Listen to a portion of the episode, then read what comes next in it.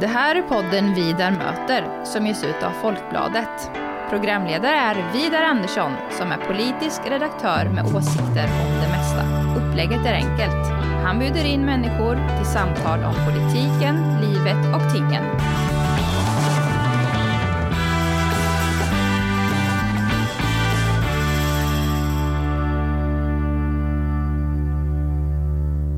Välkommen till Vidar möter, Juno Blom. Ja, men tack så mycket Vidar. Vi har setts förut i det här formatet. Absolut. Ett par år sedan. Eh, Nu har din situation förändrats ganska dramatiskt. Mm. Det var en dramatisk dag i varje fall, den 8 april. Eh, Först avgick eh, partiledaren Nyamko Sabuni. För oss Yes. som stod utanför som Ja. en blixt från klar Ja. himmel. Och några timmar senare så avgick du som partisekreterare. Det stämmer. Vad var det som hände den där 8 april?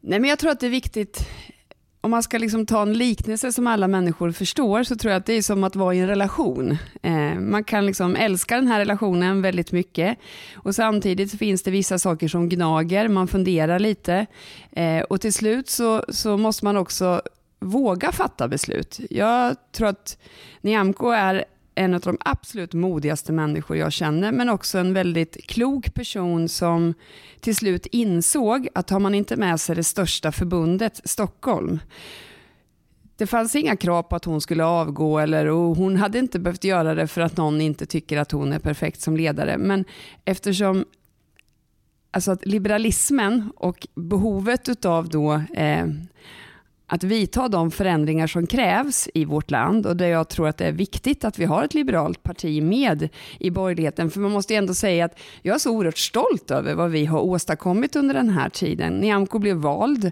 trots att ingen trodde att det var hon som skulle bli vald.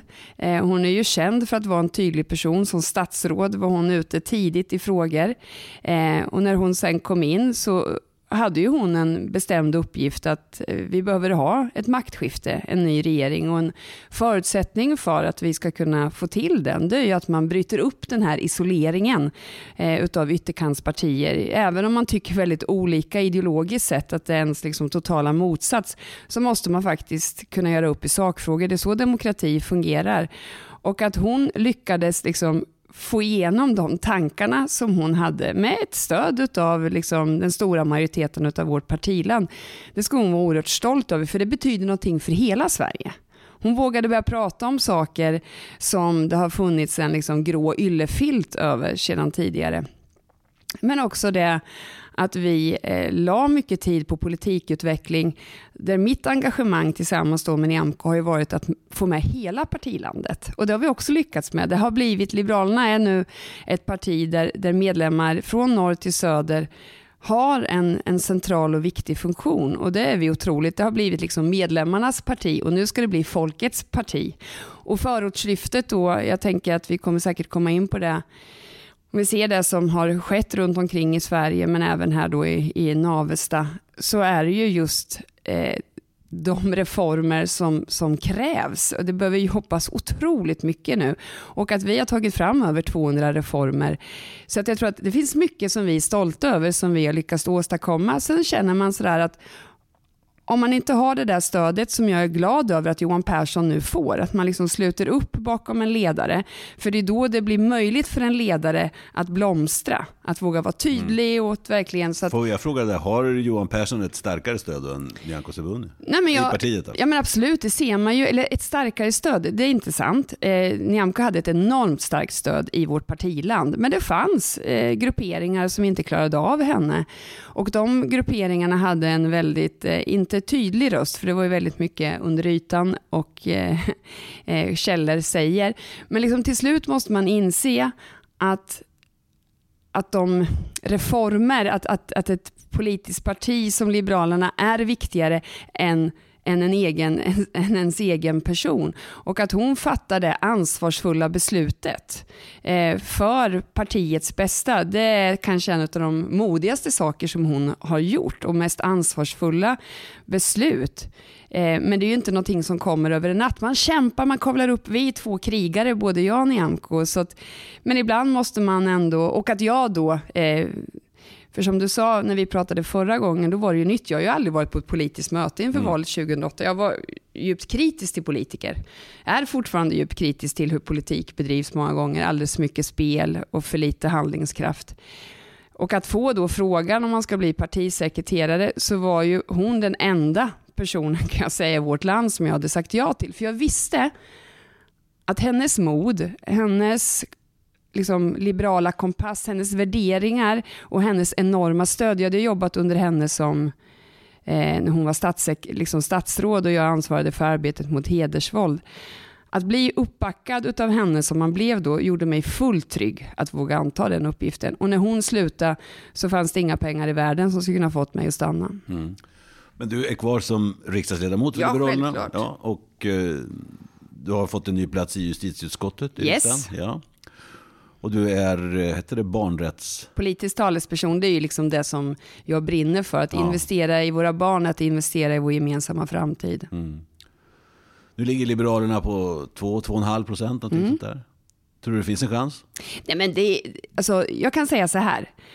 Oavsett om Nyamko hade varit kvar, vi hade aldrig åkt ur riksdagen. För det är ändå så att ett litet parti får ju liksom ökad tid eh, ju närmare ett val man kommer och en möjlighet. Och jag är helt övertygad om att vi kommer vara kvar i riksdagen. För det är ändå så att våra mandat kommer ju avgöra om det är möjligt för ett maktskifte eller inte. Och det är ju inte så att vi får noll mandat. Så för alla väljare som ser att det behövs en, en ny borgerlig regering, men som ska gå i den riktningen som jag tror att en majoritet ändå känner är viktiga, i en liberal riktning, då är ju Liberalerna avgörande. Jag valde ju själv Liberalerna för att det är möjligheten samvete. Och det tror jag är otroligt viktigt att vi också eh, att svenska folket ser. Så jag är helt övertygad om att det här kommer att gå bra. Mm. Eh, det säger alltså Juno Blom som är riksdagsledamot för Liberalerna, bor här i Norrköping. Och eh, vi möts nu fredagen den 22 april på förmiddagen här för att eh, diskutera. Och vi har inlett med ett, en, eh, och tala lite om eh, avgången för Nyamko Sabuni och den nya partiledaren Johan Persson. Nu tänkte jag så här att eh, vi skulle gå in lite mer på Sverige. Ja. ja. Det är det vi politiker är till för, inte politiskt spel och mm. tjafs utan faktiskt lösa samhällsproblem. Ja. Och du har ju hela din bakgrund, alltså du är ju en unik person i den svenska offentligheten, så att säga, just med det hedersrelaterade våldet. Och eh, som eh, ledande företrädare för det, du arbetar länge på Länsstyrelsen i Östergötland som är ansvarig myndighet mm. för de här frågorna. Och, det var ju så du har trätt fram i offentligheten. Mm. Och, eh, de där frågorna är ju ständigt aktuella.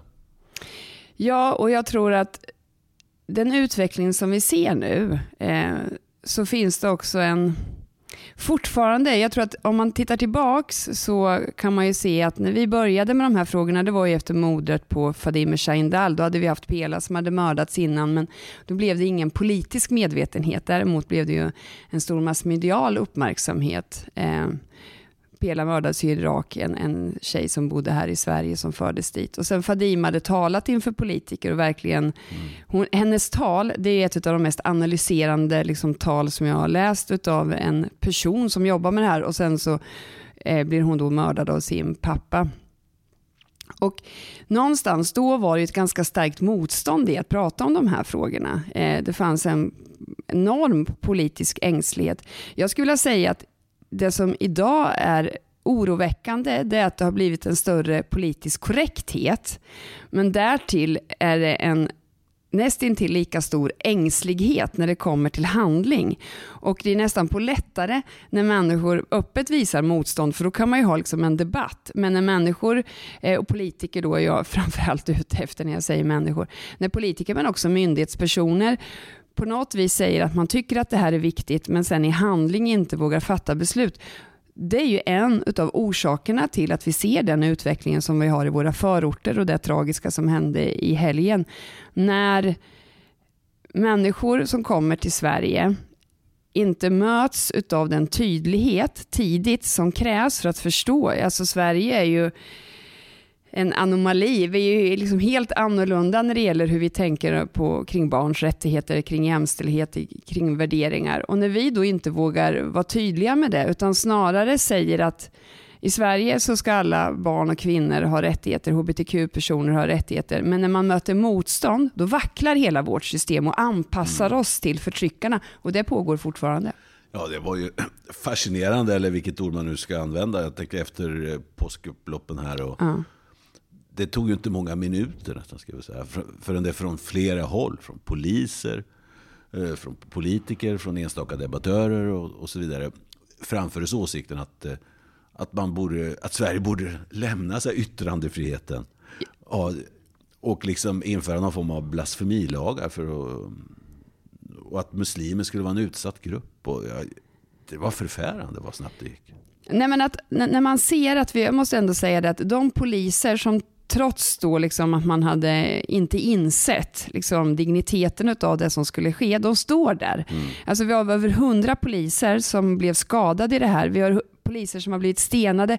Och jag måste säga att jag är så imponerad över eh, svensk polis som i det trängda läget inte drar vapen, att vi inte har liksom fler som har blivit skjutna, utan att liksom de står upp och försvarar oss alla. Och när de gör det och vi inte vågar liksom göra en felsökning och identifiera att det stora problemet är att människor väljer att, att hota polisen och hela vår demokrati.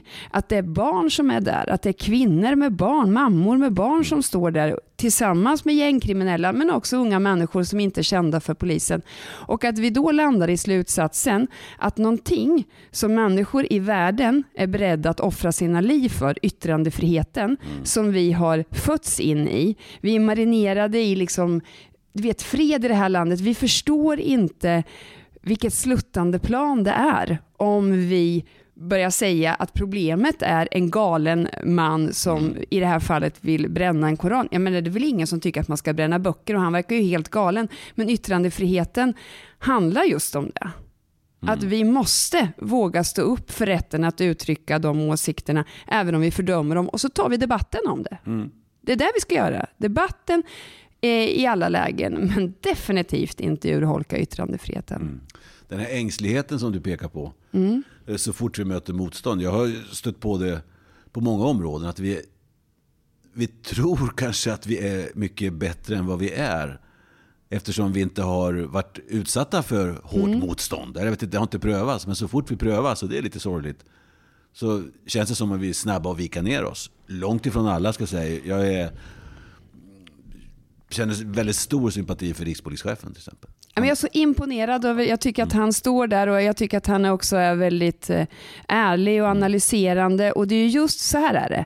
När, när ledare och när, när liksom ansvariga politiker vågar prata om verkligheten som den ser ut, det är först då vi kan göra någonting åt den. För det är klart att det är liksom varken svart eller vitt. För det är klart att i Sverige så finns det främlingsfientliga krafter som vill måla upp en bild av att personer som kommer hit och att vissa grupper är mer utsatta än andra. Det är ett allvarligt problem, det ska vi ta i.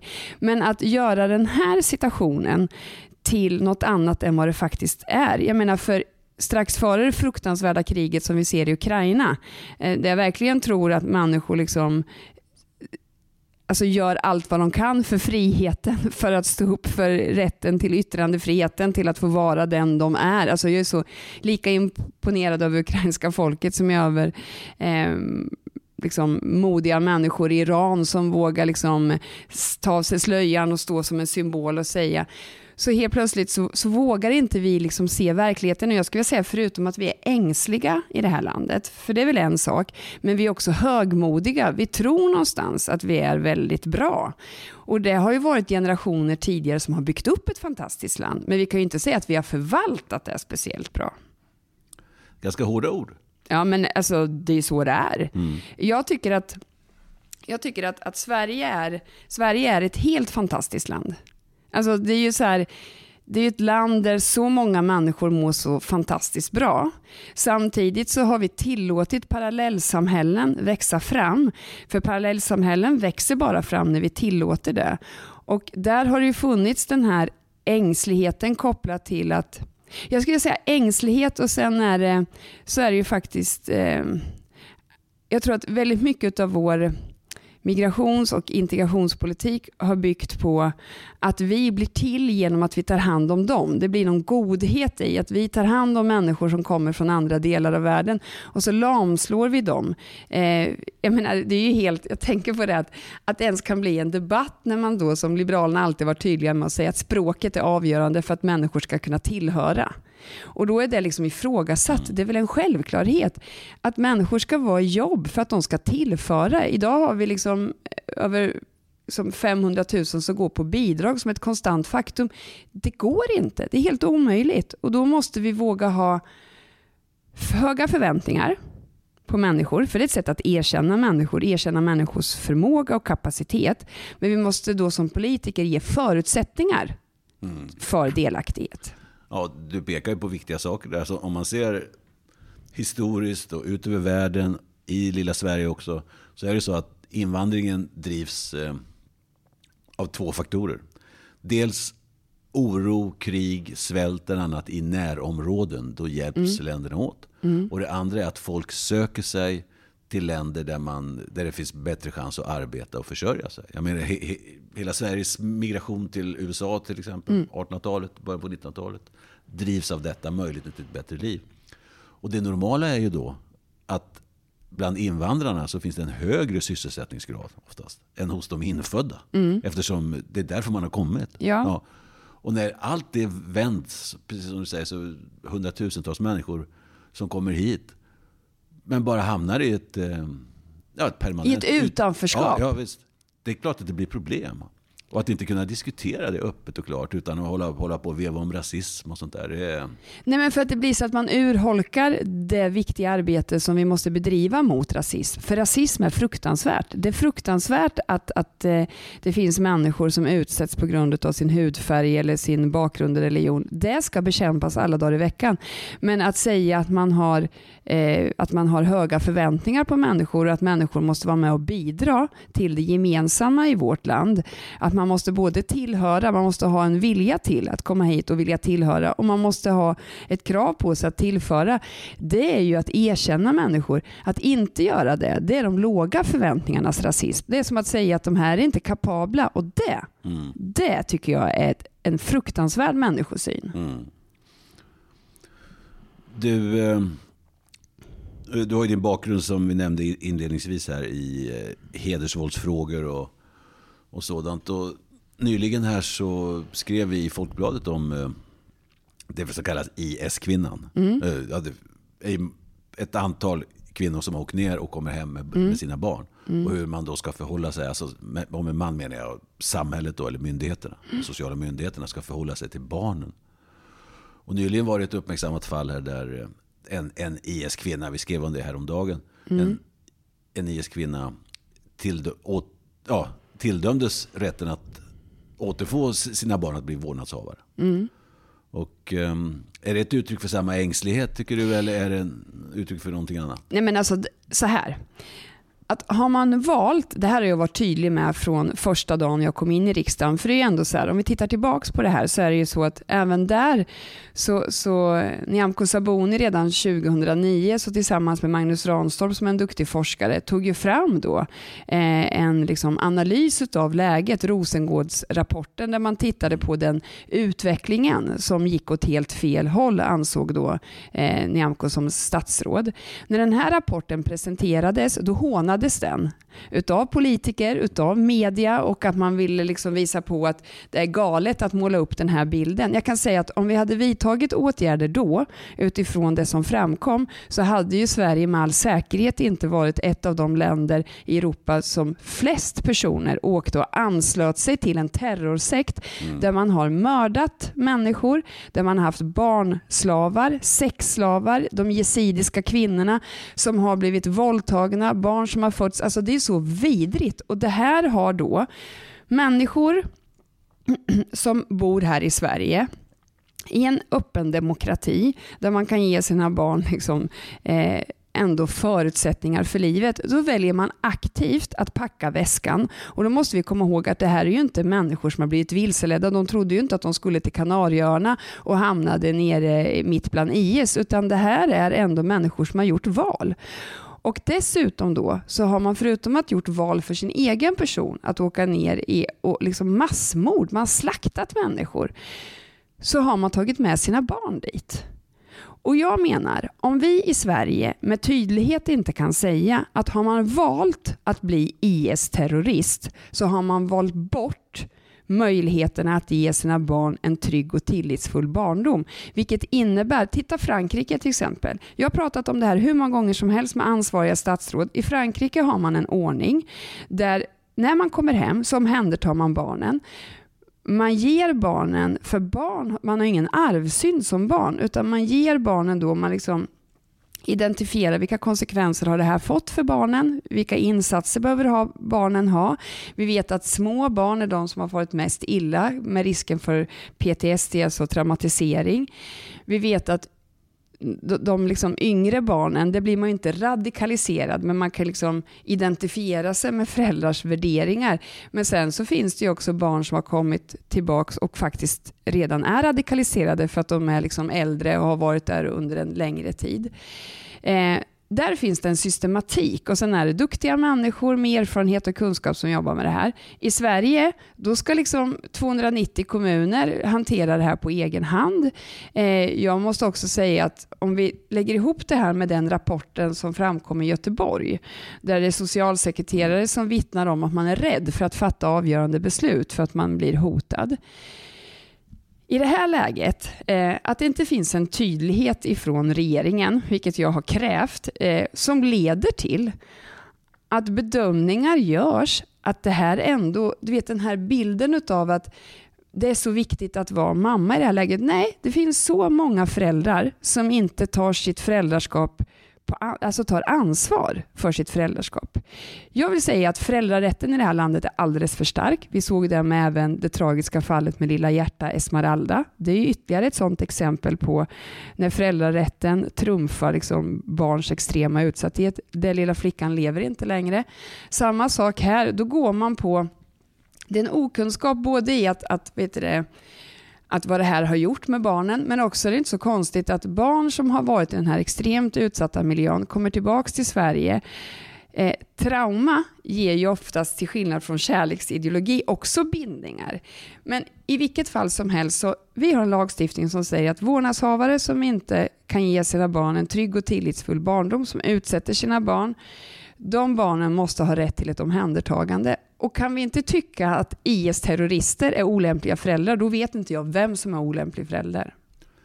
Och det säger Juno Blom och de allvarsorden får eh, avsluta det här samtalet i Vidar möter. Stort tack Juno Blom för att du tog dig tid att vara med. Men tack för att jag fick vara med. Och nu kör vi vidare. Vi har många problem att lösa och vi ger oss inte. Det säger alltså Juno.